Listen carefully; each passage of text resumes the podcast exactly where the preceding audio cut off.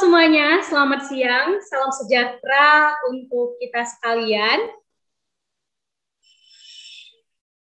Senang sekali rasanya di sini saya Oral Queen sebagai moderator untuk memandu acara kita hari ini yang bertajuk Lunch with Expert dengan uh, tema yang ataupun judul acara hari ini yaitu pola makan untuk bersahabat dengan diabetes bersama sama siapa coba? Kali ini saya bersama dokter cantik. Apakah sudah ada bersama saya di sini? Dokter Eleonora Mitani, SPGK. Hai dok. Teman semua, ya. Hai dok. Jadi di sini izinkan saya terlebih dahulu untuk memperkenalkan sebenarnya acara hari ini itu acara apa sih gitu ya? Apa sih itu Lunch with Expert? Nah, Lunch with Expert adalah uh, sesuatu acara yang diadakan oleh uh, Widya karena adanya pandemi nih. Pandemi ini yang menjadikan banyak kebiasaan kita berubah dan salah satunya pastinya kegiatan kita yang semakin ya selalu kita lakukan serba online ataupun virtual. Nah, aktivitas kantor pun hampir dua tahun ini berganti dari work from uh, dari work from uh, uh, office jadinya work from home atau WFH. Sehingga mau tidak mau kita pastinya gak nggak merasakan lagi nih kebersamaan sama teman-teman kantor untuk makan, cerita-cerita, chit-chat dan segala macamnya. Nah, salah satu aktivitas untuk mengganti itu, makanya ada lunch with an expert yang harapannya dapat menemani makan siang teman-teman di rumah dengan obrolan yang insightful langsung bersama expertnya seperti hari ini. Gitu, teman-teman. Widya Imersif. Nah, kali ini aku langsung aja nih, langsung hmm, ngobrol-ngobrol talk show bersama Dr. Eleonora, tapi sebelumnya aku akan menjelaskan nih bahwa sesi diskusi kita hari ini uh, dibagi menjadi dua sesi. Jadi 25 menit nanti aku akan memberikan beberapa pertanyaan nih. Aku sudah menyusun beberapa pertanyaan terkait tema kita hari ini dan nanti 35 menit ke depan akan dibuka sesi tanya jawab bersama teman-teman imersif yang ada di live YouTube channel kita hari ini. Seperti itu. Nah, sebelumnya aku mau memperkenalkan dulu nih speaker kita hari ini, pembicara kita hari ini. Tadi kita sudah say hello bersama dokter uh, Eleonora. Sekali ini aku mau bacain dulu ya izinnya dok. Aku bacain CV-nya dokter cantik hari ini. Aduh, aku merasa agak-agak tersaingi gitu ya. Oh, tersaingi. Aurel okay, juga nggak kalah cantik loh ini moderator oh, kita. Oh, gitu ya dok ya. Terima kasih dok, dokter yang lebih cantik. Kali ini saya akan bacakan langsung CV dari beliau. Beliau merupakan uh, nama lengkapnya Dr. Eleonora Mitaning Kristi SPGK riwayat pendidikan ataupun pendidikan yang pernah ditempuh oleh beliau 2004 sampai 2010 beliau menempuh pendidikan S1 kedokteran dan pendidikan profesi kedokteran Fakultas Kedokteran Universitas Katolik Indonesia Atmajaya Jakarta dengan indeks prestasi kumulatif 3,9. And then di tahun 2015 sampai 2017 beliau melanjutkan pendidikan dengan program studi Magister Ilmu Gizi Klinik Fakultas Kedokteran Universitas Indonesia dengan indeks prestasi kumulatif 3,67 dan tahun 2018 sampai 2020 beliau menempuh pendidikan program pendidikan dokter spesialis program studi ilmu gizi klinik FKUI RSCM dengan indeks prestasi kumulatif 3,84. Nah, pengalaman kerja beliau, aduh, ada banyak, tapi saya akan bacakan dari tahun 2020 sampai saat ini. Beliau bekerja uh, di Brawijaya Women and Children, Brawijaya Hospital, Brawijaya Hospital Sawangan sebagai dokter spesialis gizi klinik dan uh, beliau juga bekerja di Brawijaya Hospital Saharjo sebagai dokter spesialis gizi klinik And then Uh, juga beliau bekerja di Rumah Sakit Sari Asih Ciputat sebagai dokter spesialis gizi klinik. Nah, kira-kira dengan kegiatan do, uh, beliau ini, dokter ini kayaknya saya merasa wah banyak sekali ya pekerjaannya harus sana sini harus sana sini nah tanpa menunda-nunda lagi nih hmm, Oke, aku, aku aku aku tadi ada kesalahan menyebutkan IPK-nya.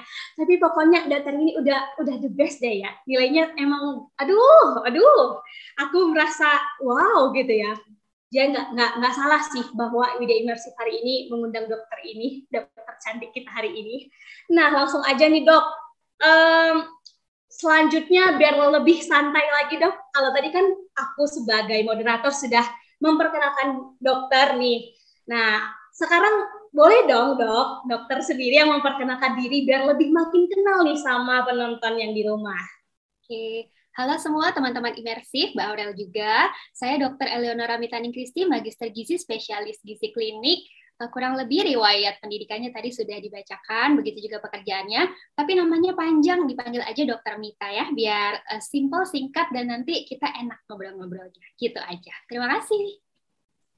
Baik, nah setelah tadi dokter sudah memperkenalkan diri nih, kita langsung aja uh, langsung ke topik kita hari ini ya dok ya. Kita ngomongin soal yang uh, seru-seru nih, diabetes. Nah, hmm. sebelum itu dok, aku mau uh, menyampaikan dulu nih buat uh, teman imersif yang uh, melalui YouTube streaming hari ini, yang nonton melalui YouTube streaming, uh, nanti bakal ada lima pemenang yang akan mendapatkan giveaway lima penonton, yaitu penonton yang teraktif dan yang paling bisa memberikan pertanyaan menarik nih. Nanti akan dipilih oleh panitia yang dan dimohonkan untuk penonton semua untuk stay tune dan gimana lagi nanti kita dapat giveaway giveaway gitu loh kan. Udah nonton asik aja nonton di rumah dapat giveaway loh gitu ya. Jadi buat teman-teman juga nanti uh, yang mau ingin bertanya terkait tema hari ini bisa banget nih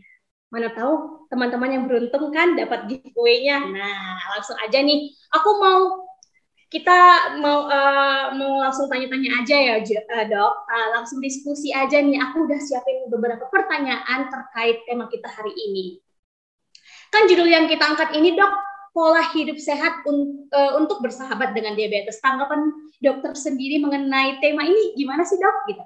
Oke, kalau tanggapan sehat, di penting nih gini, diabetes ini penyakit yang sering banget kita dengar ya, sering banget banyak nih diabetes, kencing manis, tapi uh, menurut saya belum semua orang cukup aware nih tentang uh, bahayanya, mungkin gejala-gejalanya, terus cara menanganinya gitu. Jadi selain obat-obatan tuh penting banget untuk pengatur pola makan. Jadi pengaturan pola makan itu untuk uh, either untuk awareness atau untuk preventif mencegah dan juga untuk mengobati bagian dari pengobatan. Ini nih nanti yang akan kita bahas supaya baik yang belum terkena diabetes bisa lebih aware, tapi yang sudah terkena bisa tahu penanganannya lebih tepat sehingga komplikasinya nanti jangka panjangnya yang serius bisa diminimalisir. Kalau tadi uh, aku udah udah kita udah cukup tahu nih apa sih itu diabetes. Kira-kira dok penyebabnya apa sih dok dari penyakit diabetes ini sendiri? Okay. Jadi diabetes itu kan penyakit kronis ya, jadi terjadinya itu dalam jangka waktu yang lama, nggak tiba-tiba langsung diabetes gitu. Jadi prosesnya dia untuk sampai terjadi diabetes itu takes time atau butuh waktu. Jadi dia berupa tingginya kadar glukosa atau gula dari dalam darah. Kenapa bisa tinggi? Nah itu nanti ada hubungannya sama hormon yang namanya insulin. Hormon insulinnya jadi kalau pada diabetes itu ada kelainan tuh di hormon insulin, either atau Uh, jadi baik itu hormonnya itu kurang atau dia nggak diproduksi sama sekali atau diproduksi nih hormon insulinnya cukup tapi dia kerjanya nggak optimal gitu. Nah itu nanti juga akan mempengaruhi tipe-tipe diabetes tuh Mbak Aurel. Kan secara umum diabetes tuh ada diabetes tipe 1, ada diabetes tipe 2, ada tipe lainnya termasuk juga diabetes gestasional pada ibu hamil kalau udah sering pernah dengar ya. Nanti uh, saya akan bahas nih yang tipe 1, tipe 2 yang sering kita dengar penyebabnya apa seperti yang tadi ditanyain Mbak Aurel nih gitu. Nah, penyebab diabetes tadi berhubungan sama hormon insulin. Hormon insulin itu apa sih? Kenapa segitu pentingnya nih untuk uh, apa namanya pada pembahasan diabetes gitu. Jadi insulin itu adalah hormon yang dihasilkan oleh organ di tubuh kita yang kita semua punya, namanya organ pankreas gitu. Pankreas itu ada sel-sel pankreas di dalamnya atau sel beta pankreas. Sel beta itu mengeluarkan atau mensekresikan hormon yang namanya insulin yang uh, nanti dapat mengatur kadar gula darah gimana sih pankreas gitu. Nanti bisa googling gambarnya atau kalau mau dapat bayangan nih, kira-kira di belakang organ lambung lah kira-kira di situ tuh. Nah, jadi si uh, sel beta di pankreas ini dia mengeluarkan hormon insulin. Nah, gimana peran insulin sehingga dia dapat mengcover atau mengontrol kadar gula darah nih. Jadi, hormon insulin itu dia akan membantu uptake atau ambilan glukosa di darah untuk dimasukin ke sel tubuh. Sel tubuh mana aja? Sel otot, hati, dan juga sel lemak.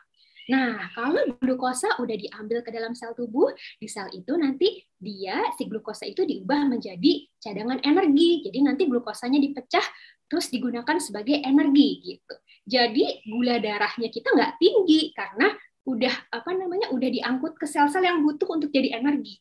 Nah, kalau insulinnya tadi nggak berfungsi dengan baik, seperti pada diabetes mellitus tipe 1, itu dia uh, si organ pankreasnya itu rusak tuh sel pankreasnya. Jadi insulinnya tuh nggak diproduksi sama sekali, ataupun kalau diproduksi kecil banget. Nah itu diabetes mellitus tipe 1. Tentu insulinnya nggak ada atau kecil banget nggak cukup. Jadi yang nggak ada yang uptake, nggak ada yang ngambil si glukosa darah dari darah ke sel tubuh. Jadi numpuk tuh di darah. Makanya pas cek gula darahnya tinggi.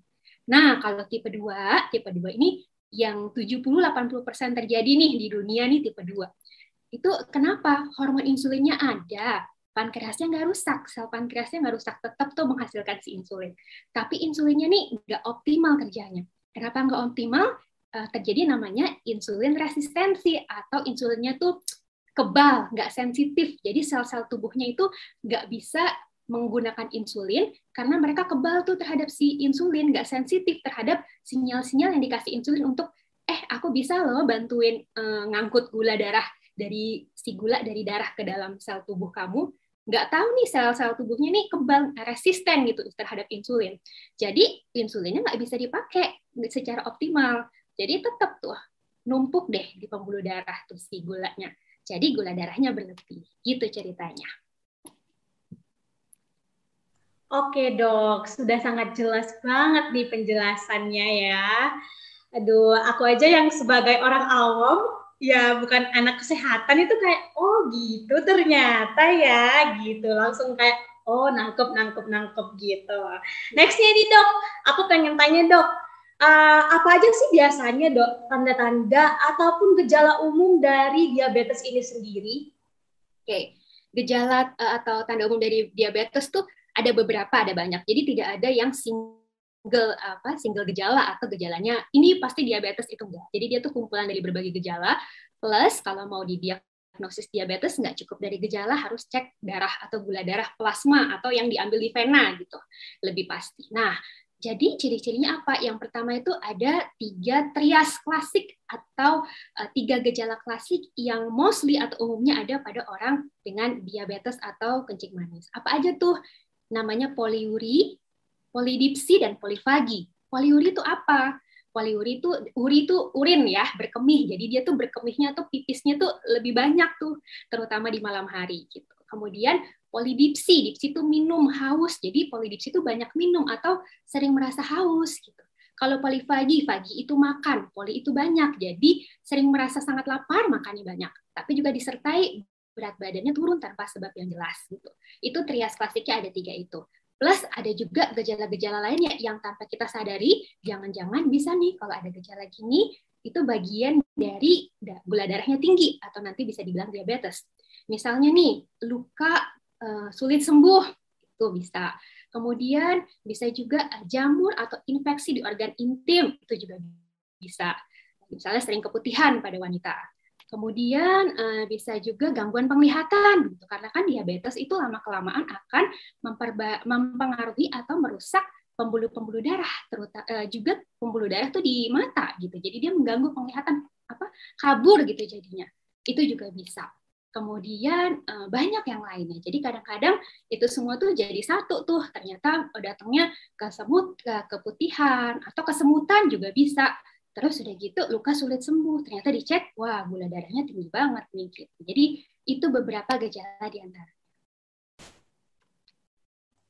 Oke, baik dok. Kira-kira dok, kalau misalnya tadi kita udah bahas tanda-tanda nih dok, kira-kira siapa sih dok yang bisa beresiko terkena diabetes ini?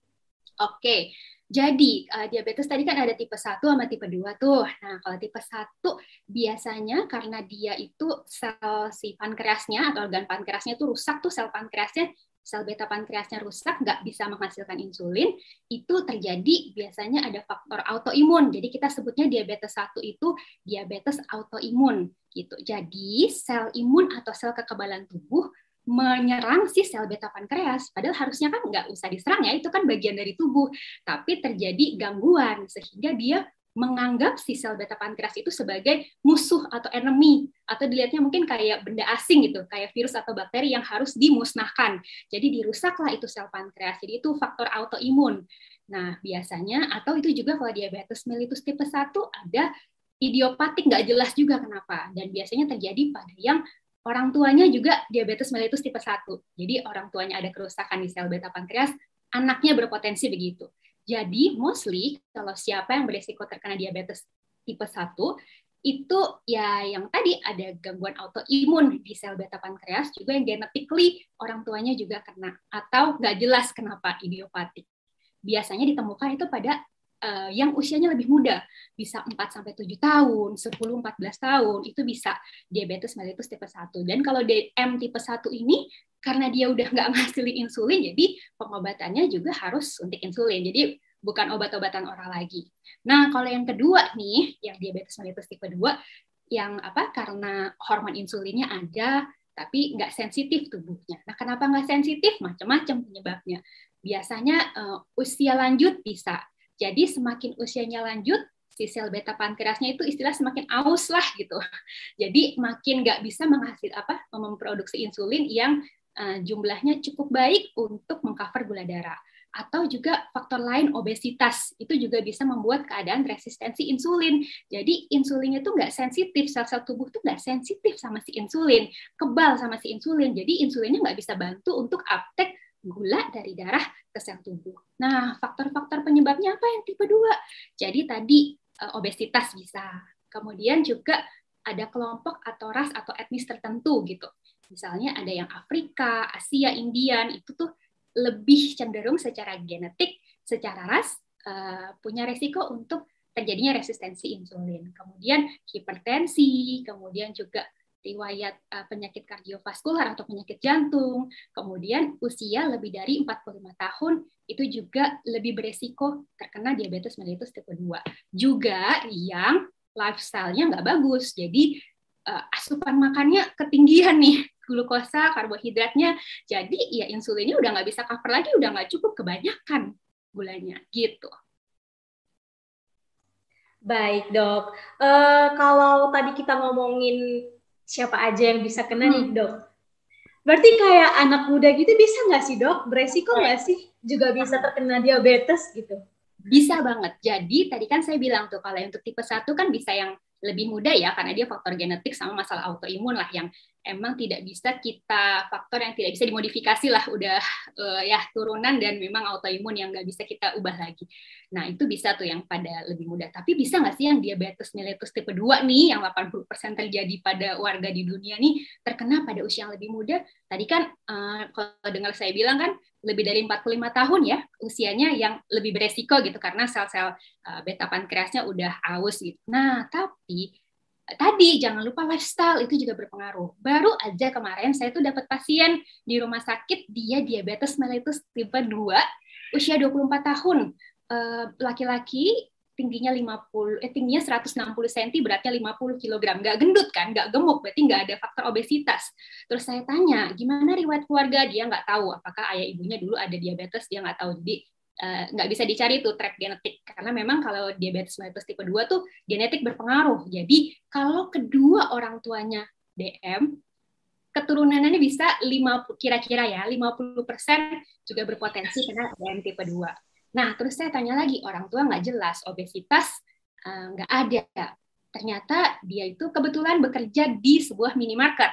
Jadi dia bilang sejak bertahun-tahun lamanya dia selalu minum minuman kemasan empat entah empat kaleng, entah empat kotak atau empat dus sehari gitu. Jadi pola makannya yang ternyata salah gitu. Jadinya mungkin banget diabetes mellitus tipe 2 itu dialami oleh orang muda meskipun secara teori harusnya yang lebih tua gitu. Nah, tuh buat anak muda yang lagi nonton nih, nonton nih, teman imersif nih, hati-hati lo ya. Bisa lo kenal lo, anak muda lo. Kalau kebanyakan minum, uh, berarti terlalu banyak mengkonsumsi minuman-minuman kemasan itu berbahaya banget dong ya dok ya?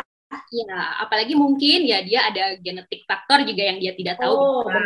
Terus oh. mungkin pola makannya juga berantakan. Jadi meskipun berat badannya sih nggak gendut-gendut amat, eh maksudnya iya. normal, yeah. tapi ya makanannya uh, ya justru yang gula-gulanya lebih banyak itu juga bisa gitu. Oke dok. Nah untuk pertanyaan selanjutnya nih dok, masih kepo banget nih dok seputar diabetes nih.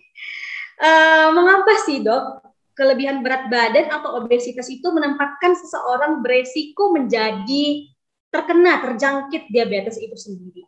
Oke, jadi itu benar nih obesitas ya. Uh, jadi itu berhubungan sama namanya tadi resistensi insulin. Jadi insulinnya tuh ada, hormon pankreas atau uh, sorry, organ pankreasnya itu nggak bermasalah dalam menghasilkan insulin, tapi insulinnya nggak bisa di pakai secara optimal karena resisten tuh sel-sel tubuh. Jadi sel-sel tubuh nggak bisa merespon insulin, jadi insulinnya nggak bisa bantuin untuk masukin si gula darah ke sel tubuh. Kenapa sih kalau orang obesitas? Jadi gini, sel lemak yang berlebih, berlebihan dalam tubuh itu dapat meningkatkan proses yang namanya lipolisis. Lipo itu lipid lemak, lisis itu pemecahan. Jadi sel lemak yang berlebihan itu dapat menyebabkan pemecahan lemak yang berlebihan juga dalam tubuh. Nah, lemak itu dipecah menjadi dua senyawa di dalam tubuh, yaitu asam lemak dan gliserol. Nah, si gliserol ini ternyata adalah substrat atau bahan pembentuk glukosa lewat proses namanya gluconeogenesis. Jadi, gluconeogenesis itu adalah proses pembentukan glukosa yang baru ya, genesis jadi mengenerate atau menghasilkan glukosa yang baru dalam tubuh. Salah satu bahannya ini gliserol, jadi hasil pemecahan dari si lemak gitu. Jadi kalau lemaknya berlebih, coba dipecahkan betapa banyak gliserol yang di, dihasilkan. Gliserol bahan gluconeogenesis, bahan membentuk glukosa, makin tinggilah kadar gula darah. Itu pertama. Nah, yang kedua, jadi kalau ada teori juga yang mengatakan nih, kalau kelebihan lemak atau kelebihan molekul lemak dalam tubuh itu di eh, kan lemaknya berlebihan tuh di bloodstream atau di pembuluh darah, dia itu akan dari pembuluh darah akan diapek atau diambil ke muscle dan liver, otot dan sel hati gitu si gula darahnya. Nah, padahal si otot dan sel hati ini kan juga uh, apa namanya harusnya mengambil glukosa kan selain lemak nih. Tapi ini molekul lemaknya kebanyakan. Saking banyaknya di pembuluh darah akhirnya dimasukin ke hati sama si uh, otot. Nah, masuknya molekul lemak yang berlebihan ke dalam hati dan otot itu dia akan menghambat sinyal-sinyal insulin gitu. Jadi ada nih sinyal-sinyal si insulin yang untuk ngasih tahu uh, apa namanya untuk uptake nih gula lebih nih di darah, masukin dong ke hati, masukin dong ke uh, apa namanya ke otot. Nah, tapi karena molekul lemaknya kebanyakan nih di hati sama di otot, kehalang deh tuh sinyal-sinyalnya insulinnya. Jadi insulin resisten atau kebal terhadap insulin gitu. Oke dok. Untuk selanjutnya nih dok, uh, tadi kita udah ngomongin banyak banget ya yang beresiko, terus itu penyebabnya, terkena diabetes, itu terus itu tanda-tandanya kalau kena diabetes. Sekarang mau tahu lagi nih dok, kira-kira apa sih tes yang bisa dilakukan untuk uh, kita tahu nih kita kena diabetes atau enggak sih gitu dok? Oke, jadi untuk tahu uh, kita kena diabetes apa enggak, pertama itu nanti ada beberapa kriterianya ya. Nah, pertama itu kita harus untuk diagnosis atau untuk e, mendiagnosa pertama kali lah untuk memastikan nih ada atau enggak diabetes. Kita punya atau enggak diabetes, itu kita cek gula darah, tapi ceknya bukan dari yang glukometer atau yang di apa?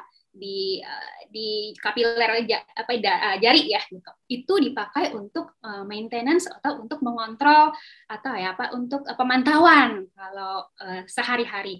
Tapi kalau untuk diagnosisnya dari sini aja nggak cukup. Jadi harus pakai plasma darah atau kita kayak ngambil darah deh, ngambil darah kalau kita periksa darah tuh di rumah sakit gitu, ngambil darah. Terus diceklah kadar gula darahnya. Nah, apa yang uh, diagnosisnya gimana nih kalau kadar gula darah berapa kita dibilang diabetes gitu ya. Jadi, kalau kita periksa gula darah lagi puasa, puasa tuh maksudnya uh, dalam kondisi tidak ada asupan makan selama 8 jam ya minimal gitu disebut puasa.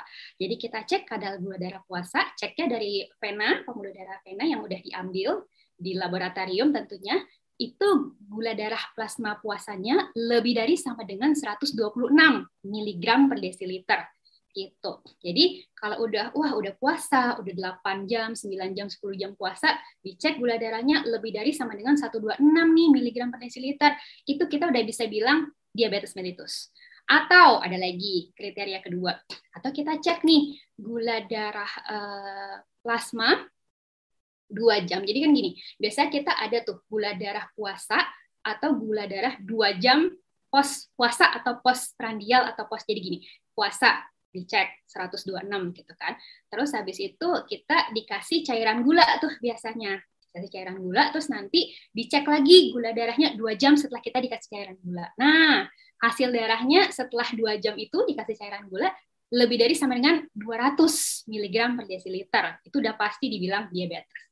Kriteria ketiga ada lagi. Jadi, kalau kita cek gula darah sewaktu, jadi nggak puasa nih, tiba-tiba aja gitu, mungkin baru makan ya satu jam yang lalu lah gitu, atau setengah jam lalu. Kita ke laboratorium, diambil plasma darahnya, dicek lebih dari sama dengan 200 mg per desiliter ditambah dengan keluhan klasik Keluhan klasik itu apa? Tadi yang saya sampaikan sama Mbak Oral. Ada poliuri, banyak pipis, uh, kemudian polidipsi, haus terus, banyak minum, dan juga polifagi. Jadi mau lapar makan terus, tapi berat badannya kok drop turun itu juga bisa. Satu lagi ada namanya HbA1c. Nah itu juga kalau lebih dari sama dengan enam setengah persen HbA1c-nya dengan pemeriksaannya yang juga terstandarisasi ya di lab eh, lab tertentu atau lab khusus lah itu uh, lebih dari enam setengah HbA1c-nya itu juga kita bisa dibilang uh, ada diabetes mellitus gitu. Oh iya, satu lagi nih. Kalau yang di antaranya gimana kan suka tuh, aduh gula darah puasa saya nggak sampai sih lebih dari 126, cuma uh, serat, tapi mepet-mepet nih 125, 120 gitu.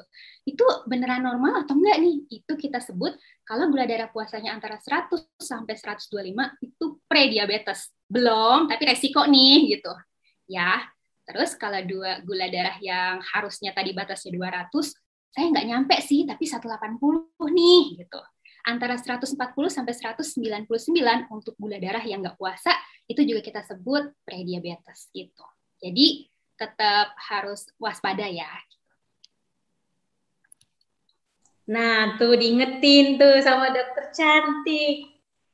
Harus tetap waspada, apalagi buat anak-anak muda nih, karena saya masih muda ya. Jadi, tapi ini nggak menutup kemungkinan juga untuk semuanya nih, ataupun lanjut usia itu tadi ya rentan banget. Karena emang dok, saya juga uh, punya ini sih pengalaman. Nenek saya tuh ada penyakit gulanya, ada penyakit diabetes ya. Jadi pengalaman saya itu kayak saya pernah ngikutin uh, nenek saya itu berobat ke rumah sakit yang harus meski pakai ini loh rutin cek darah melalui apa tadi apa sih namanya dok? Uh, saya kurang paham. Darah apa kak namanya itu di perifer ya, jadi dia pakai apa tes truk di pembuluh iya, darah. Iya gitu dok. Nah, terus jadi sering saya saya sering ngikutin uh, nenek saya itu cek dan akhirnya paham agak sedikit paham sih mengenai diabetes ini gitu dok. Hmm. Nah selanjutnya nih dok pengen tahu juga nih dok terkait uh, jenis-jenis pengobatan untuk diabetes itu sendiri. Oke. Jadi uh, mungkin maksudnya manajemen terapi ya diabetes mellitus. Itu sebenarnya uh, secara simpelnya ada empat pilar lah. Jadi ini harusnya nih uh, berkesinambungan atau empat-empatnya dilaksanakan gitu. Yang pertama pengaturan pola makan jelas gitu. Yang kedua itu aktivitas fisik. Karena kenapa sih butuh aktivitas fisik? Orang udah gangguan gula darah pakai aktivitas. Ternyata aktivitas fisik itu pertama kan membantu menstabilkan berat badan. Kita tahu tadi kalau obesitas kan eh, beresiko resistensi insulin atau insulinnya jadi nggak sensitif Eh, nggak bisa dipakai secara optimal. Kemudian aktivitas fisik juga membantu sensitivitas insulin. Jadi insulinnya lebih sensitif lagi tuh sel-sel tubuhnya. Jadi mengurangi kekebalan terhadap insulin. Jadi sel-sel tubuhnya lebih respon terhadap insulin. Dan kita tahu ya, insulin itu kita butuhkan untuk mengontrol kadar gula darah. Kemudian setelah mengatur makan, aktivitas fisik yang ketiga itu tata laksana terapi farmakologis obat-obatan. Itu nanti kerjasamanya sama uh, teman sejawat internis ya eh, penyakit dalam. Mau obatnya yang insulin atau perlu yang obat yang hipoglikemik oral, tablet, yang tablet aja macam-macam jenisnya. Ada yang tiga kali, ada yang dua kali, ada yang sekali atau kombinasi. Nah itu nanti juga kita kerjasama bareng sama internis ya karena mereka yang uh, mengatur tuh. Nah yang ketiga, yang keempat setelah pengaturan pola makan, aktivitas fisik, farmakologi terapi. Yang keempat itu adalah edukasi atau keterlibatan dan peran keluarga sebagai support system. Edukasi maksudnya apa? Jadi eh, penyandang diabetes harus tahu nih kalau kapan kontrol gula darah, harus kontrol teratur ke dokter internis juga untuk adjust obatnya gitu. Kemudian juga harus support system dari keluarga untuk ngingetin, oh cek gula darah, oh makannya diatur ya dan gitu-gitu itu uh, kemudian juga uh, apa namanya kan resikonya uh, atau komplikasinya bisa jangka panjang tuh. Jadi memang perlu uh, edukasi dan support dari keluarga uh, terhadap penyandang diabetes. Jadi empat itu tuh uh, obat-obatan atau bukan obat sih uh, treatment untuk tata laksana diabetes mellitus. Gitu.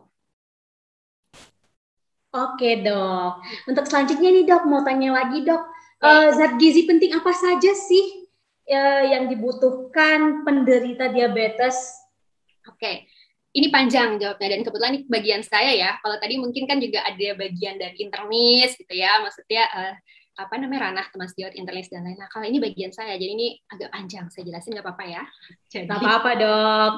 Jadi gini, apa ada nutrisi atau zat gizi yang terpenting? Jawabannya nggak ada khusus zat gizi terpenting. Jadi kalau oke okay, diabetes makan aja protein yang banyak gitu, karbohidratnya nggak usah sama sekali deh kan kelebihan gula gitu, jadi nggak bisa juga. Atau ini nih yang lagi in minum vitamin D aja bisa loh itu untuk kontrol gula itu juga nggak bisa. Jadi yang benar tuh kalau untuk uh, terapi manajemen nutrisi terapi atau terapi nutrisi medis untuk diabetes mellitus itu harus seimbang, semuanya harus dikonsumsi secara seimbang. Dan kalau mau simpelnya nih ada istilah yang diajarkan konsulen saya atau guru saya dulu 4J eh, tuh Mbak Aurel. Jadi harus tahu jumlahnya, jenisnya, jadwal makan, sama jurus atau cara masak. Gitu. Maksudnya apa nih eh, jumlahnya? Jadi kita harus tahu jumlah kalori yang dibutuhkan atau harus diasup oleh masing-masing orang tuh beda-beda. Kayak saya nih sama Mbak Aurel mungkin usia kurang lebih sama mungkin ya mungkin gitu ya sama-sama uh, masih belia mungkin. Kalau mbak iya kalau saya mungkin udah enggak gitu. Jadi usia mungkin sama jenis kelamin sama tapi bisa berat badan beda tinggi badan beda aktivitas sehari-hari juga beda. Itu akan mempengaruhi perbedaan jumlah asupan atau jumlah kalori yang boleh diaptek atau diintek atau diasup oleh kita. Masing-masing beda. Bedanya tuh tergantung dari tadi berat badan tinggi badan, usia, aktivitas, dan lain-lain. Itu ada rumusnya sih, agak panjang, dan juga kalau mau di hitungin sebenarnya enak konsultasi ya gitu ya. Jadi kan personal gitu ya. Kalau satu-satu panjang jadinya. Itu. agak panjang nanti makan waktu banyak ya dok ya, ya mau konsultasi aja ke dokter spesialis gizi gitu ya. Terus okay. yang pertama jumlah. Jadi harus jumlahnya segitu. Nggak boleh lebih tapi nggak boleh kurang. Jadi uh, nggak ada tuh untuk apa sih namanya kurang-kurang uh, kalori uh, apa puasa-puasa di kalorinya dikurang-kurangin gitu nanti itu harus sama dokter gizi. Kalau misalnya memang berat badannya obesitas kan memang harus ada tuh eh, pengurangan kalori sekian-sekian, tapi jangan diatur sendiri. Nanti malah gula darahnya berantakan.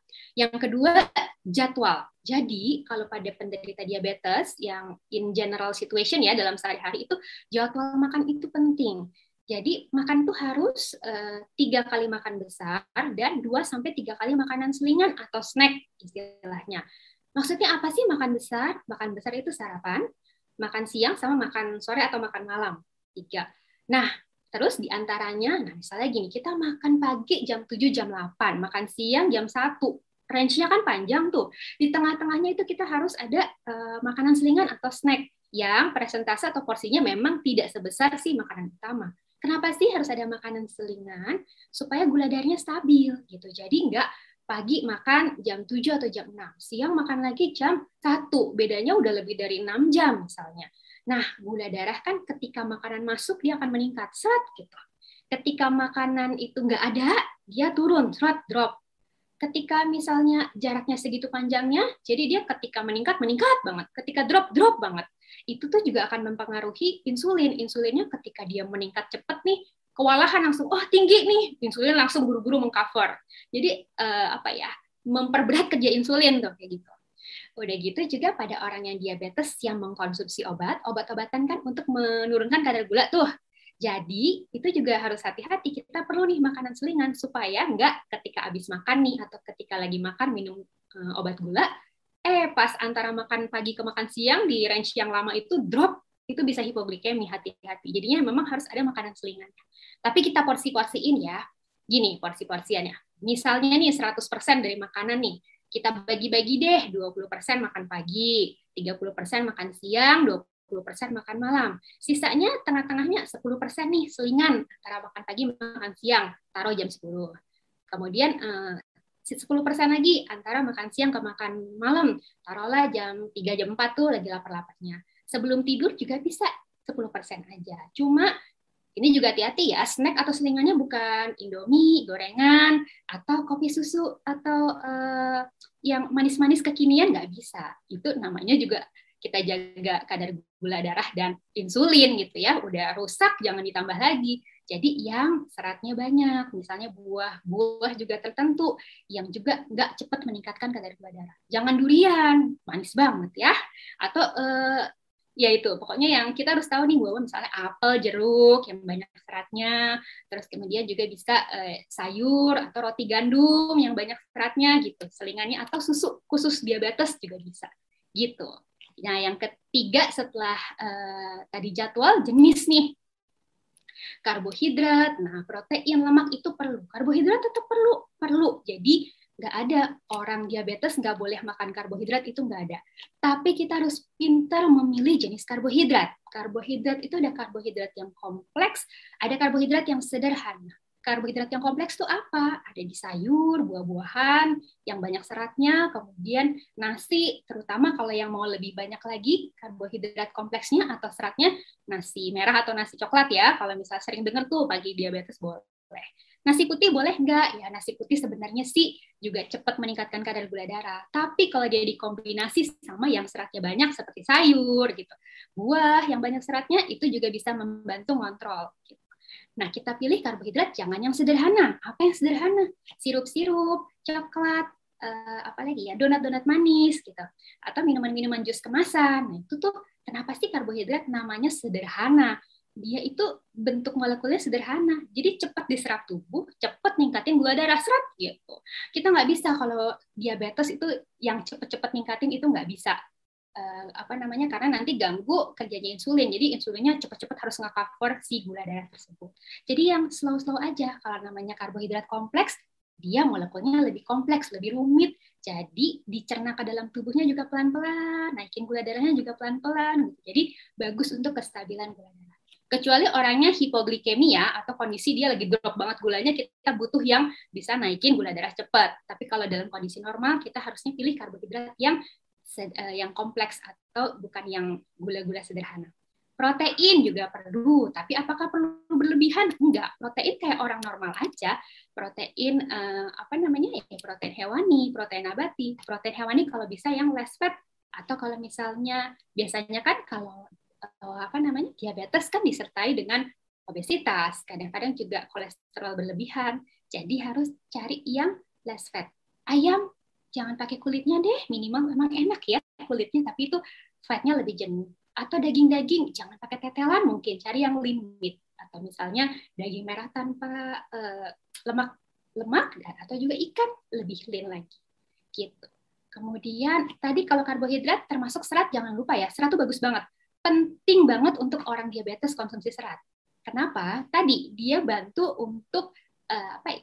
Me, dicerna lebih lama, jadi dia bikin insulinnya juga naiknya bertahap gitu. Jadi nggak sel tubuh nggak cepat kebal atau nggak cepat resisten terhadap insulin. Gitu sih. Serat tuh bagus banget untuk uh, diabetes. Protein, kemudian juga lemak. Perlu lemak nggak? Boleh, lemak itu kita butuh. Tapi ya kita hindari lemak-lemak jenuh ya. Pakainya lemak-lemak yang unsaturated atau tidak jenuh. Apa contohnya? Bisa nih uh, alpukat, kalau misalnya mau minyak-minyak tuh canola, olive oil gitu. Atau ikan-ikan laut, biji-bijian gitu, flaxseed, tuh oke. Okay. Kacang-kacangan lain, polong-polongan, oke. Okay. Yang lemak jenuh tuh yang enak-enak. Fast food, uh, apalagi ya tuh, kuning telur, juga lemak jenuh. Terus kemudian minyak goreng yang dipakai berulang-ulang, kayak gorengan, nah, sudah pasti lemak jenuh. Susu yang full cream, itu juga lemak jenuh. Itu juga perlu dikurangi. Dan yang terakhir, jurus atau cara masak. Gimana yang bagus? Yang lebih less fat, misalnya mungkin ditumis-tumis, tapi minyaknya nggak terlalu banyak. Kukus boleh, uh, apalagi ya uh, pan fried yang minyaknya nggak terlalu banyak boleh, rebus boleh, pepes boleh, itu boleh. Jangan yang deep fried gitu sih. Jadi harus kita perhitungkan juga cara memasaknya. Dah. Nah, itu dijelasin banget tuh, detail banget. Karena emang uh, apa ya dok ya, gizi itu penting banget ya dok ya untuk hmm uh, maksudnya kayak kita kita asupan gizi itu penting banget untuk uh, orang-orang diabetes tahu nih apa yang baik, apa yang harus dihindari gitu ya dok ya. Benar-benar. Tapi sebenarnya kalau lebih baik itu konsultasi langsung ya dok ya. Karena balik lagi nih kayak dokter bilang tadi aku aku aku juga kayak merasa gini sih kayak uh, diabetesnya orang-orang kan gak, maksudnya orang yang penyakit diabetes itu kan ada beberapa jenisnya gitu. Kalau misalnya apakah dengan asupannya juga asupan gizinya itu juga akan berbeda gitu dok? Misalnya kayak tadi diabetes tahap satu misalnya gitu. Nah asupan gizinya beda atau uh, sama dengan yang yang yang tahap dua gitu dok pengen tahu juga tuh dok ini diabetes tipe 1 sama tipe 2 itu intinya uh, hasil outcome-nya sama. Jadi sama-sama hiperglikemi. Jadi kadar gula darah berlebih. Penyebabnya yang beda. Jadi masalahnya oh. tadi kan kalau tipe 1 kan memang si sel pankreasnya yang rusak gitu jadi insulinnya nggak ada sama sekali atau nggak cukup. Tapi kalau si tipe 2, sel pankreasnya memproduksinya oke, okay, insulinnya oke, okay, tapi nggak optimal karena sebab-sebab lain, salah satunya obesitas. Jadi outcome-nya sama, dua-duanya menyebabkan hiperglikemi atau gula darah berlebih. Nah, prinsip nutrisinya sama. Jadi uh, okay. harus dikonsumsi seimbang. Terus tadi hmm. ada jadwal makan, jenis makanannya apa aja yang harus dihindari sama, itu sama. Bedanya cuma di tipe apa farmakologi thingsnya pengobatannya beda. Kemudian tadi usianya kan berbeda tuh ya. Kayak diabetes hmm. tipe 2 sama tipe 1, mostly tipe 1 bisa yang jauh lebih muda bahkan dari Ya, benar. Ya, terus tipe 2 bisa yang dewasa muda. Itu kan kebutuhannya beda. Jadi bedanya itu di perhitungan kebutuhan gitu, perhitungan kebutuhan hmm. masing-masing. Sama aktivitasnya yang harus disesuaikan gitu. Oke dok. Selanjutnya nih dok, pengen tahu juga nih dok, apa itu nutrisi diabetes? Oke, nutrisi diabetes tadi sebenarnya udah hal yang saya jelasin ya, gitu. Nutrisi okay. diabetes itu bagian dari terapi medis untuk uh, pasien penyandang diabetes gitu. Jadi uh, ya kalau nutrisi untuk diabetes ya tadi semuanya tuh eh, pengaturan jumlah, jenis, jadwal, dan juga cara masak atau jurus masaknya. Itu sebenarnya yang tadi saya jelaskan. Jadi nggak ada yang khusus ya, maksudnya nggak ada yang vitamin tertentu atau misalnya uh, herbal tertentu gitu kan yang bisa meng, ini diabetes nih. Nah, aku juga mau ngasih tahu juga nih ada beberapa kan yang minum aja misalnya rebusan atau minyak garlic bawang putih atau nah itu tuh itu itu itu maksudnya gimana tuh dok? Apakah itu hoax atau gimana nah, tuh hoax ya aku jelasin. Atau juga rebusan kayu manis gitu. Jadi begini itu semua kita sebut namanya functional foods. Apa sih functional foods? Nah itu adalah makanan yang kita temukan di sehari-hari itu yang uh, ya jadi bagian dari makanan yang dap dapat gampang kita temukan sehari-hari yang mempunyai komponen biologis. Jadi dia memang makanan-makanan alami yang punya zat-zat aktif atau nutrisi-nutrisi aktif dan berpotensi untuk memberikan kita manfaat kesehatan dan mengurangi resiko penyakit. Jadi apakah itu benar tuh yang garlic, habis itu uh, ada kurkuma, cinnamon, gitu-gitu. Itu pada beberapa penelitian memang jadi konsumsi misalnya garlic atau misalnya apa tadi uh, cinnamon kayu manis itu dapat menurunkan tuh gula darah puasa, HbA1c gitu. Tapi memang penelitiannya yang saya baca itu bukan yang dalam populasi besar, jadi kayak 60 subjek gitu. Jadi tentunya kita nggak bisa menggeneralisasikan itu untuk terapi semua diabetes. Tapi apakah berpotensi untuk memberikan keuntungan? Bisa jadi, buktinya pada 60 orang itu tuh terbukti. Tapi sekali lagi nih, eh, perkembangan atau terjadinya diabetes mellitus, khususnya tipe 2 ini kan strongly influence atau mostly di uh, sebabkan karena eating practice, kesalahan pola makan gitu kan, uh, uh, lifestyle habit. Jadi sekali kita diagnosis diabetes, kita itu akan uh, apa ya, nggak bisa sembuh lah istilah gini. Kalau kita di DBD atau kita tipes dikasih antibiotik, uh, tipes dikasih antibiotik seminggu misalnya atau dua minggu sembuh. Diabetes enggak, itu akan kita bawa seumur hidup. Makanya nih temanya bagus nih bersahabat dengan diabetes. Diabetes itu selalu ada kalau udah once diagnosed itu akan selalu ada di uh, kita gitu yang yang terdiagnosis. Tapi kita bisa bersahabat dengan dia atau dikontrol gitu.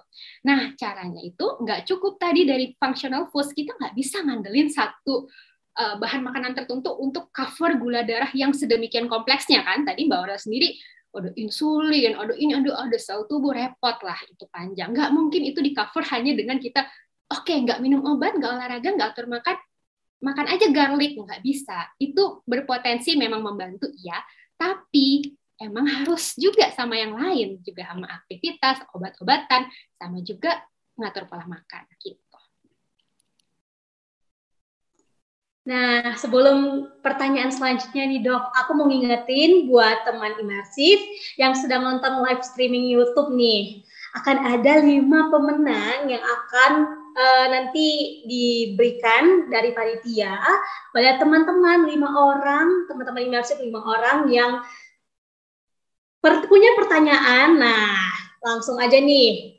Nanti kan uh, bisa mana tahu nih rezekinya kan dapat giveaway. Nah, langsung aja nih buat teman-teman yang masih bingung juga pengen tanya ke dokter Mita, aduh kayaknya ini kesempatan yang paling tepat nih buat teman-teman kan. Apalagi nanti kalau misalnya pertanyaannya bagus dan terpilih dari panitia bakal dapat giveaway. Dan ingetin juga bahwa nanti lima orang pemenang ini juga bukan hanya dari penanya yang terbaik, tapi juga dari penonton yang paling setia nih di acara kita hari ini gitu. Nah untuk selanjutnya ini dok, aku mau tanya-tanya lagi nih dok. Tadi kita tadi dokter sudah ada menyinggung tentang pola hidup sehat gitu ya dok ya. Nah sebenarnya pola hidup sehat yang seperti apa sih dok yang harus diterapkan bagi penderita diabetes ini sendiri gitu? Oke, jadi tadi atur pola makan udah ya, secara umum aku udah uh, menyinggung. Kemudian olahraga atau aktivitas fisik nanti aku kasih tahu habis ini. Kemudian kontrol gula darah mandiri dan juga kontrol ke dokter. Kontrol ke dokter tuh penyakit dalam. Biasanya ini kalau saya sih saranin uh, sebulan sekali lah kita kontrol ke dokter penyakit dalam yang menghandle sebulan atau dua bulan ada yang tiga bulan sih ya, intinya rutin gitu supaya tahu oh uh, dengan obat ini ke cover nih misalnya. Oh saya udah ngatur pola makan obatnya gitu tapi kok belum turun juga? Apa jangan-jangan uh, obatnya perlu diganti jenisnya? Kan soalnya banyak ya faktor tadi kesembuhan ada empat pilar nggak cuma dari pola makan ada obat-obatan dan lain-lain. Jadi kita sama-sama uh, ngatur semuanya.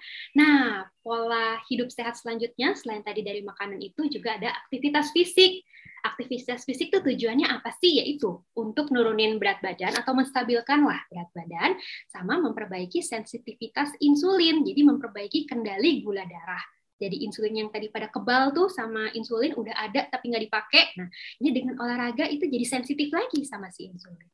Apa sih kegiatan fisiknya?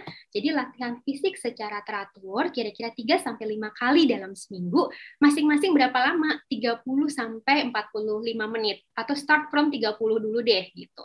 Totalnya sekitar 150 menit per minggu. Itu yang dianjurkan oleh Perkeni atau Perkumpulan Endokrinologi atau ahli-ahli uh, hormon atau ahli endokrin di Indonesia, penyakit dalam, dokter penyakit dalam. Nah, 150 menit boleh nggak aku postnya di Sabtu Minggu aja? Suka sepedahan nih, tapi misalnya penderita diabetes. Sepedahan tapi oke, okay, aku olahraganya sepedaan satu jam di hari Sabtu, satu jam lebih di hari Minggu. Jadi total 150 menit, boleh nggak? Nggak boleh ya. Kalau untuk penderita diabetes atau penyandang diabetes itu, jeda antar latihan fisik atau olahraga itu tidak boleh lebih dari dua hari berturut-turut. Jadi misalnya Senin, Selasa, Rabu, libur, Kamis lah lagi. Supaya ya kan gula darah kan setiap hari nih dihasilkan dari apa yang kita makan sama dari kondisi kita yang diabetes. Jadi nggak boleh di post di terakhir, jadi harus rutin 30 menit aja sehari. Tapi mungkin kalau yang uh, diabetes juga harus lebih hati-hati dalam berolahraga, uh, cek dulu gula darahnya. Pakai glukometer boleh tuh yang cek gula di jari. Kalau kurang dari 100 gula darahnya, boleh makan pisang misalnya yang manis yang cepat tingkatin kadar gula darah atau minum susu dulu sebelum olahraga supaya nanti ketika olahraga kan kalau olahraga kan jadi gula darahnya dipakai untuk jadi energi menghasilkan energi. Kalau gula darahnya terlalu drop nanti hipoglikemi. Jadi harus cek dulu gula darahnya. Tapi kalau ketinggian lebih dari 250 misalnya itu juga kita nggak boleh langsung olahraga. Olahraganya yang apa? Apa nge-gym, hmm, angkat beban atau apa nih jalan? Yang paling bagus yang intensitasnya ringan sedang dulu deh atau olahraga yang aerobik. Aerobik itu yang uh, intensitasnya berulang-ulang jalan, sepeda, sepeda statis gitu.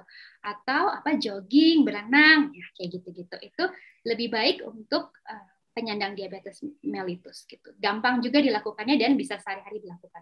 Mau yang olahraga berat atau body weighing, misalnya uh, angkat beban atau misalnya squat, uh, push up, ya boleh juga untuk kombinasi. Tapi bagi yang belum biasa olahraga, mulai dari yang ringan dulu deh, jalan. Itu kan cuma butuh alas kaki dan kemampuan berjalan ya, gampang. Itu 30 menit tuh. Gitu. Jadi itu salah satu pola uh, sehat, pola hidup sehat selain dari pola makan yang harus diikutin.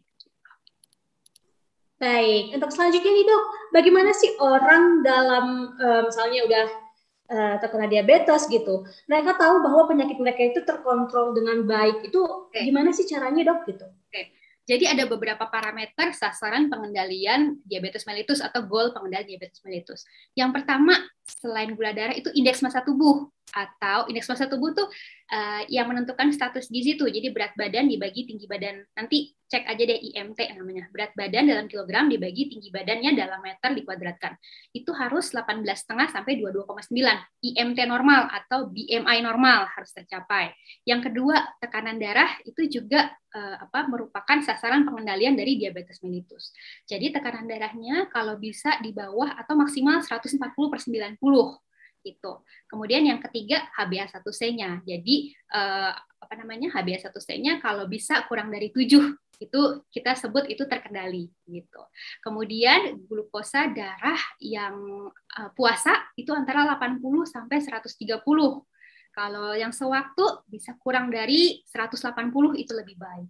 Kemudian selain itu juga kolesterol, trigliserid, HDL, LDL juga harus dalam batas normal. Itu cara-cara kita tahu kalau diabetes kita terkendali. Oke, kayaknya udah udah cukup dulu sih dok kalau pertanyaan dari aku nih dok. Tapi ini sekarang kita punya pertanyaan dari teman imersif uh, dari live streaming yang udah gabung di kita. Nah ini ada pertanyaan nih dok, aku bacain ya dok ya. Mengapa penting untuk melakukan pemeriksaan kesehatan secara teratur? Apakah ada device yang bisa kita gunakan untuk bisa memonitor kesehatan secara teratur, terutama kemungkinan diabetes? Ya. Begitu dok pertanyaannya. Oke. Jadi penting untuk melakukan kesehatan secara teratur tentu karena untuk mengontrol kadar gula darah kita nggak akan tahu tuh kita terkontrol atau enggak kalau nggak cek kan tadi tekanan darah apa glukosa darah puasa sewaktu dan juga berat badan kan tadi kan indeks massa tubuh kan berarti harus uh, tahu juga tuh berat badannya. Jadi penting untuk melakukan pemeriksaan kesehatan secara teratur supaya sasaran atau goal terhadap pengendalian diabetesnya itu tercapai. Kalau nggak periksa kita nggak tahu ya. Jadi uh, juga untuk menghindarkan komplikasi lebih lanjut dan hidupnya lebih berkualitas gitu. Mengapa itu penting untuk melakukan pemeriksaan kesehatan secara teratur? Karena kita tahu kita once diagnose itu udah jadi kita uh, akan ada terus nah, diabetes itu tapi kita bisa bersahabat dengan kita kontrol atau mengendalikannya. Nah, apakah ada device? Uh, setahu saya ada nih device. Jadi device itu alat ya, jadi untuk memonitor kesehatan secara teratur. Uh, tadi kan apa aja sih uh, poin-poinnya? Berat badan, terus kemudian tadi uh, tekanan darah, terus gula darah gitu. Ada device, ada aplikasinya tuh setahu saya. Jadi dalam satu aplikasi tersebut udah ketahuan tuh. Once check ada berat badan, oh berarti berat badan segini, tinggi segini, indeks massa tubuh segini. Oh oke udah turun nih dari yang dulu obesitas nih, berarti lumayan nih, cek terkontrol. Maksudnya pengendalian uh, nomor apa? Poin pertama cek. Yang kedua, gula darah segini. Uh, dengan device itu kita cek terus kelihatan, terrecord dan tersimpan di aplikasi. Oh, berarti bulan ini cek gula darah puasanya, gula darah sewaktunya sesuai dengan targetnya gitu. Itu ada sih device-nya. Tapi mungkin uh, apa namanya? apa kita bisa nanti sama-sama tahu lebih lanjut ya device-nya apa aja, tapi ada gitu. Baik yang uh, jadi device itu tuh bisa dia ada jadi langsung kita cek, jadi alatnya bisa langsung yang untuk ngecek berat badan, tinggi badan, apa namanya tekanan darah dan gula darah, terus dia nyambung ke aplikasi di mobile kita, mobile phone kita. Jadi kita gampang ngeceknya gitu. Itu ada. Oke, Dok. Nah, Uh, kita juga mau uh, tanya nih dok, aku juga mau tanya nih dok, kan media imersif ini sendiri kan udah punya salah satu alat untuk mengontrol diabetes nih, namanya kios sehat. Menurut dokter, pendapat dokter nih, seperti apa mengenai device ini gitu? Oh, Oke, okay. aku pernah lihat tuh kios sehat ya. Cuma memang uh, pengennya sih lebih banyak yang kayak gitu gitu. Kios sehat tuh kan bisa ditempatkan di mana aja ya kayak misalnya di okay. di mall gitu ya atau misalnya di kampus di kantor jadi itu dia kayak device atau alat yang sekaligus dia timbangan dia juga bisa cek suhu dia bisa cek tensi sama dia bisa cek gula darah sama abis itu disambungkan ke aplikasi untuk eh, kita record tuh record jadi ada catatannya semua lah gitu nah aku sih itu device yang bagus Uh, paling pesannya mungkin diperbanyak aja kali ya, jadi orang gampang ngecek kontrolnya gitu. Ya, kayaknya ada sedikit gangguan sinyal nih dok ya dari server kita. Nah ini kita langsung ke sesi selanjutnya aja ya dok ya. Tadi kan kalau aku sudah menyampaikan di sesi satu itu ada tanya jawab antara aku sebagai moderator bersama dokter Gita dan di 35 menit ke depan kita juga masih diskusi nih dok terkait tema kita hari ini uh, pola makan untuk bersahabat dengan diabetes dan langsung aja nih dok, uh, kita ke pertanyaan pertama. Aku langsung bacain. Uh, ada pertanyaan dari Dwi Jayanto yang bertanya seperti ini. Dok mau tanya, bagaimana diabetes mellitus dapat menyebabkan komplikasi? Begitu dok pertanyaannya. Oke, jadi komplikasi diabetes nih, kenapa dia bisa komplikasi ya kalau gula darah tinggi emang kenapa gitu ya? Jadi komplikasi diabetes itu uh, bisa terjadi jangka panjang. Jangka panjang biasanya nih uh, awal-awal nggak apa-apa nih, maksudnya ya udah diabetes aja, tapi dia bisa muncul komplikasi itu 10 sampai 15 tahun setelah dia didiagnosis pertama kali gitu. Itu normalinya ya kalau gula darahnya mungkin nggak terlalu langsung 300 400. Tapi kalau dia apa namanya komplikasi itu bisa muncul makin cepat, lima tahun lebih cepat, jika fluktuasi gula darahnya itu berlebihan atau nggak kekontrol. Nah, gimana caranya sih kok gula darah tinggi bisa nyebabin komplikasi? Ternyata gula darah yang tinggi disertai juga dengan proses degeneratif. Proses degeneratif itu adalah proses penurunan fungsi tubuh, bisa karena usia, bisa karena penyakit. Penyakit misalnya hipertensi, kan kadang-kadang diabetes itu tidak sendiri ya, banyak teman-temannya. Atau dislipidemi atau hiperkolesterolemi, itu dapat menyebabkan gangguan pembuluh darah atau kerusakan pembuluh darah gitu. Diabetes sama proses degeneratif akan merusak pembuluh darah. Pembuluh darah mana aja? Ada dua, makroangiopati atau pembuluh darah yang makro yang besar, sama mikroangiopati yang mikroangiopati misalnya nih uh, diabetes atau gula darah yang tinggi itu dapat merusak pembuluh darah di retina di mata. Jadi disebut tuh retinopati diabetik. Jadi berpotensi menyebabkan gangguan penglihatan atau penglihatan jadi menurun gitu atau pandangan kabur, kebutaan lainnya. Kemudian juga lagi mikroangiopati itu pembuluh darah dia dapat gula yang terlalu tinggi itu dapat menimbulkan mekanisme yang menyebabkan kerusakan pembuluh darah di ginjal gitu. Jadinya sering banget kalau diabetes ada juga uh, apa gagal ginjal sangat sering tuh ke ginjal. Kemudian juga uh, ke pembuluh darah pembuluh darah di kaki-kaki, tangan-tangan, pinggir-pinggir apa namanya pembuluh darah-pembuluh darah kecil di kaki dan tangan. Makanya pada diabetes ada juga kerusakan di pembuluh darah tersebut menyebabkan sering kesemutan. Nah, itu juga. Kalau makroangiopati jadi hiperglikemi atau gula darah yang berlebih dan juga proses degeneratif tadi, penurunan fungsi-fungsi tubuh dapat merusak jantung, otak, nah gitu. Jadinya itu karena kerusakan pembuluh darah. Diabetes menyebabkan uh, hiperglikemi pada diabetes jadi gula darah yang tinggi pada orang dengan diabetes merusak pembuluh darah tadi yang saya sebutkan. Itu makanya komplikasinya timbul. Karena pembuluh darah di mana-mana, jadi komplikasinya tuh ke mana-mana. Gitu. Baik dok, tadi kalau kita bahas tentang kompilasi, uh, kom, apa tadi? Komplikasi. Kompilasi ya? Lagu komplikasi. Komplikasi, astaga naga. Oke, kalau tadi kita bicara tentang komplikasi, dok, Berarti untuk mencegah itu semua sebenarnya perlu dong ya dok ya kayak tadi menjaga uh, pola makan tadi, perlu olahraga gitu. Yes. Jadi ini perannya ini perannya dokter gizi juga sama peran ya. ya kolaborasi ya. Jadi terapi nutrisi medis kita tahu tadi merupakan bagian penting tuh dari penata laksanaan diabetes mellitus terutama tipe 2 secara komprehensif. Jadi kunci keberhasilannya uh, yaitu dari anggota tim lah istilahnya ya dokter, kemudian ya internis terutama, kemudian juga uh, pasien sendiri dan keluarganya untuk mencapai sasaran tadi tuh yang poin-poin ya gula darah, berat badan, tekanan darah dan lain-lain. Jadi prinsip pengaturan makan pada penyandang diabetes mellitus hampir sama untuk seperti maka masyarakat umum makan sehat lah itu. Tapi memang tadi ada kekhususannya, tadi yang 4J tadi itu. Dan kemudian juga kontrol yang penting. Mungkin yang beda sama yang lain, kalau yang lain yang nggak perlu kontrol ya. Kalau ini harus banget kontrol dan itu lifetime seterusnya. Baik dari kontrol ke dokter, datang ke rumah sakit, ataupun mandiri, ataupun kalau ada device-device yang bisa membantu, itu juga membantu untuk yang namanya kontrol. Jadi yang penting dalam diabetes itu bukan menyembuhkan, karena dia akan selalu ada, tapi bersahabat dan mengontrolnya. Gitu. Baik dok, untuk pertanyaan selanjutnya nih dok, uh, dari Prima Dimas, Siang dok, apakah nasi penyebab utama dari diabetes? Terima kasih. Oke, ini juga sering disalahin nasi ya, gitu. Jadi gini. Ya, bener dok.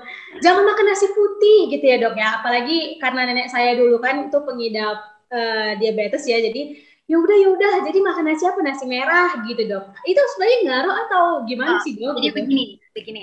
Jadi nas, jadi gini. Penyebab diabetes tadi bukan karena makan nasi. Jadi karena tadi kan masalah insulin tuh Insulin tadi kompleks ya masalahnya either karena dia obesitas, karena dia autoimun, karena genetik. Hmm, Nah, terus kalau e, menyalahkan salah satu bahan makanan nggak tepat karena kan gula darah meningkat bukan cuma karena makan nasi. Oke, mak orang nggak makan nasi tapi minum sirup setiap hari juga bisa kok misalnya ya. Kayak itu tadi kemarin pasien saya dia makannya nggak banyak tapi ternyata dia minum manisnya tuh ya pun bisa ya satu liter lebih sehari manis doang gitu sirup-sirupan doang. Jadi itu kan juga bukan cuma karena nasi. Nah apakah orang diabetes? Boleh makan nasi putih. Jadi kita ngomongin namanya indeks glikemik nih atau glycemic index. Tadi saya belum bahas sengaja nunggu yang nanya. Ya pas banget nih. Jadi eh, glycemic index itu angka. Angka mbak Aurel. Jadi dari 0 sampai 100 jadi angka itu menandakan peningkatan gula darah setelah mengkonsumsi makanan yang mengandung karbohidrat gitu. Jadi 0 sampai 100. Jadi kalau indeks glikemiknya kurang dari 55 itu low glycemic index atau indeks glikemiknya rendah. Moderat antara 51 sampai 70. 70 ke atas kita sebut tinggi. Nasi putih ada di mana? Nasi putih termasuk yang sedang tinggi. Jadi dia tuh kenapa sih indeks glikemik tinggi perlu dihindari? Karena ya itu semakin tinggi indeks glikemiknya, semakin dia cepat ningkatin kadar gula darah, seret langsung naik tuh gula darahnya. Akibatnya tadi insulinnya tergopoh-gopoh atau kewalahan untuk mengcover tuh si gula darah yang naiknya cepet banget itu gitu. Jadi nasi putih uh, ya memang bagus nasi merah atau nasi coklat. Jadi gini, bedanya apa? Secara kalori sama, nasi putih, nasi merah, nasi coklat, nasi hitam itu kalorinya kurang lebih sama. Kecuali shirataki ya, shirataki beda lagi itu rendah kalorinya. Itu nanti kalau diet ngomonginnya. Nah, jadi nasi putih itu Eh, sama kalorinya sama yang lain, nasi-nasi berwarna lainnya, tapi indeks glikemiknya memang dia paling tinggi dibandingkan jenis nasi lainnya gitu. Jadi kalau mau konsumsi nasi coklat, nasi merah ya boleh. Indeks glikemiknya lebih rendah, tapi secara kalori sama sebenarnya. Boleh nggak mampir tetap makan nasi putih pada penderita diabetes? Boleh, tapi jumlahnya yang nanti saya atur. Jadi ada tuh jumlah-jumlahnya. Jadi kurangin gitu ya dok ya? Kurangin atau berapa sendok gitu misalnya. Hmm. Dan kombinasinya.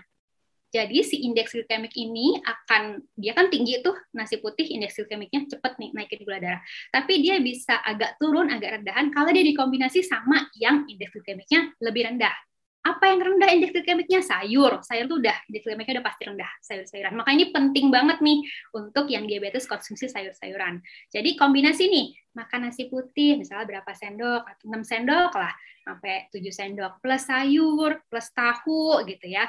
Terus udah gitu uh, apa kacang-kacangan misalnya atau misalnya apa ya kacang polong apa apa itu juga indeks glikemiknya rendah. Jadi dia ikut ke bawah rata-rata jadi menurun gitu. Kalau tapi kalau makan nasi pakai uh, perkedel. Perkedel kan juga tinggi tuh ya. Dia uh, apa namanya?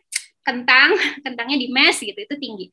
Terus abis itu dikasih lagi uh, pakai buahnya mangga yang manis atau semangka manis. Nah, itu tinggi tinggi tinggi. Ya, akibatnya gula darahnya naiknya tinggi. Jadi jangan nyalahin nasi dulu. Kontrol dulu jumlah nasinya sama makanan apa lagi yang menyertai nasi tersebut gitu. Oke dok, untuk selanjutnya nih dok. Masih agak-agak menyinggung soal makanan dan ini kalau tadi itu nasi ya dok ya ini minuman nih dok okay. uh, eh, dari uh, aku bacain dulu ya pertanyaan ini dari Nurul Aini okay. yang uh, bertanya seperti ini apakah kebanyakan minum kopi juga bisa menimbulkan resiko diabetes dok? Oke okay. kopi apa dulu kalau kopi hitam enggak? Se clearly stated ya kopi hitam enggak uh, dia kan eh, beda nih kopi hitam tuh kan untuk dia meningkatkan kewaspadaan, habis itu ya. meningkatkan uh, apa namanya alertness tuh kafein kan karena kafein. Benar, Tapi benar. kafein tidak meningkatkan gula darah enggak kecuali kopinya pakai apa? Kopi susu. Pakai susu gula. mungkin ya dok ya. pakai susu, pakai gula, pakai creamer, yes, iya gitu. Jadi kalau misalnya uh, tadi kopi sendiri uh, zat aktif dalam kopi, just kopi ya, kafein misalnya itu enggak ningkatin kadar gula darah. Tapi tapi kalau kopi plus ya kopi manis, terus pakai creamer, pakai susu, terus habis itu ya gulanya tinggi, even gula aren itu ya bisa ningkatin kadar gula darah. Jadi nggak boleh. Nanti kopi sendiri hubungannya sama penyakit lainnya gitu. Jadinya uh, saya ulangi kopi saja, kalau kopi hitam saja itu zat aktifnya tidak meningkatkan kadar gula darah, tapi tambahan-tambahan yang mungkin bisa, bisa ya dok. Ya. Baik, ke pertanyaan selanjutnya nih dok dari Didi. Ada beberapa pertanyaan nih dok, ada dua ya. Dok mau tanya satu pertanyaannya, apakah kekurangan vitamin D hmm. uh, bisa menyebabkan diabetes? Lalu untuk pertanyaan kedua, apakah untuk memenuhi vitamin D bisa melalui vitamin D non natural atau alami? Oke, jadi vitamin D sama diabetes gini, uh, gini, vita kekurangan vitamin D uh, saya tegaskan tidak bisa menyembuhkan diabetes, enggak. Jadi nggak ada diabetes disebabkan dengan vitamin D itu enggak. Tapi vitamin D dapat membantu perbaikan fungsi-fungsi tubuh, imunitas, kemudian uh, apa memperbaiki komplikasi-komplikasi yang terjadi karena diabetes bisa. Jadi dia enggak. Dan apakah kekurangan vitamin D menyebabkan diabetes? Sebenarnya enggak. Gitu. Tapi uh, apa pada orang diabetes yang dengan obesitas terutama, jadi gini, obesitas itu 80% lebih itu dia dapat eh, terjadi defisiensi atau kekurangan vitamin D. Gitu. Jadi pada orang uh, diabetes, apakah mungkin defisiensi vitamin D atau kurang vitamin D? Ya, tapi bukan karena proses hiperglikemi atau karena proses kelainan di pankreas atau hormon insulinnya, bukan. Tapi karena dari obesitasnya yang menyebabkan dia kekurangan vitamin D. Kenapa kok orang obes jadi defisiensi atau bisa kurang vitamin D? Gini, vitamin D itu adalah vitamin larut lemak jadi kalau hmm. orang obes sel lemaknya berlebihan, jadi vitamin D itu akan kayak terkungkung di sel lemak tersebut. Dia nggak bisa dimasukkan ke peredaran darah, nggak dibawa, nggak bisa dibawa ke hati, nggak bisa dibawa ke ginjal untuk jadi bentuk vitamin D yang aktif. Itu nggak bisa karena udah terkungkung di sel lemak lah istilahnya pada orang obes. Jadi apakah vitamin D bisa dikonsumsi pada penderita diabetes mellitus? Bisa. Kalau yang kekurangan sama uh, ya memang defisiensi vitamin D gitu bisa. Tapi itu tidak secara langsung berhubungan itu enggak. Tapi dia sangat bisa dikonsumsi dan sangat bisa membantu uh, apa ya perbaikan dan pencegahan komplikasi-komplikasi lainnya gitu. Dan biasanya pada orang obesitas 80% lebih kekurangan vitamin D. Bukan karena masalah insulinnya, bukan karena masalah pankreasnya, tapi karena sel lemaknya yang berlebihan. Nah, tadi apakah bisa konsumsi vitamin D dari bahan natural? Jadi gini, vitamin D itu uh, sumbernya ada tiga. Yang pertama dari makanan, kedua dari sinar matahari, dan yang ketiga itu suplementasi. Gitu. Sumber natural saya nggak tahu nih maksudnya apa. Mungkin dari bahan makanan. Bahan makanan ya ada, tapi tertentu dan kita gampang-gampang susah nih ketemunya. Ikan salmon, apa tuh ya ikan-ikan fatty fish lah tertentu, jamur yang dikeringkan di bawah matahari lah, susu fortifikasi tertentu lah, yogurt fortifikasi lah. Jadi nggak semua mengandung vitamin D atau susu fortifikasi ya. Maksudnya nggak secara common tinggi gitu di dalam makanan. Makanan sendiri dapat memberikan kita kenaikan vitamin D atau asupan vitamin D di dalam tubuh sekitar cuma 10-20%, less than 30%. Yang kedua matahari, matahari bisa tinggi uh, vitamin D-nya. Cuma kan kita nggak selalu terekspos sama matahari ya, paparan sama mataharinya tidak selalu cukup. Dan yang ketiga, suplementasi. Suplementasi itu kalau mau menambah vitamin D, kita pilih yang D3, jadi udah bentuk aktifnya. Berapa jumlahnya dan apa jenisnya dari bahan natural atau apa, saya nggak pusingin uh, dari bahan apa, pokoknya vitamin D3. Berapa IU-nya, 1000, 2000, atau 400, tergantung kadar vitamin D masing-masing orang. Jadi beda-beda gitu. Baik dok, uh, ini ada pertanyaan terakhir nih dok. Pertanyaan dari Ratna Kartika. Uh, aku akan bacakan.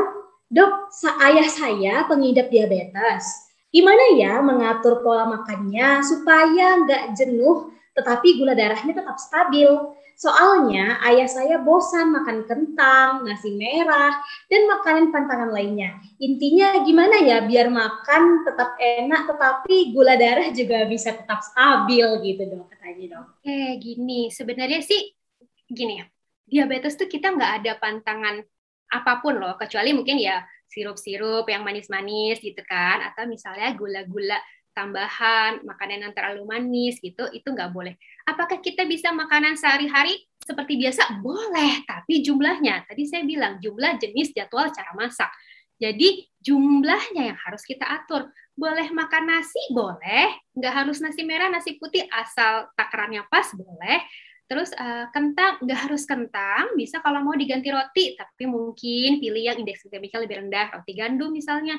Boleh makan ayam boleh, makan daging boleh, makan telur boleh gitu, sama ikan juga boleh gitu kan. Jadi nggak ada yang benar-benar pantang gitu.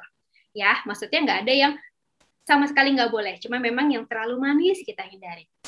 Cuma yang penting itu tadi jumlahnya berapa banyak gitu. Sama uh, kita tahu dari makanan-makanan yang kita makan tadi kan udah ada glukosanya ya. Jadi dari buah tuh ada gula buah. Dari karbohidrat sedikit banyak juga ada. Jangan tambahin dari tambahan-tambahan lain. Jadi jangan tambahin gula lagi, jangan tambahin sirup lagi, jangan tambahin apa ya, madu-maduan lagi misalnya itunya yang dikontrol tapi kalau jenis makanan utamanya tadi saya tetap bilang perlu karbohidrat perlu protein perlu lemak gitu nggak ada yang benar-benar harus dihilangkan gitu tapi dikontrol jumlahnya buah boleh tapi pilih jangan yang terlalu manis semangka lengkeng apalagi itu yang manis mangga terlalu manis eh, tadi durian gitu tapi banyak kan buah yang lain yang banyak seratnya gitu. Uh, tadi protein semua tadi saya sebutkan boleh gitu Apalagi kalau karbohidrat, karbohidrat nggak cuma nasi, ya nggak cuma kentang, roti bisa, sayur pun karbohidrat. Jenis sayuran apa aja nggak ada masalah.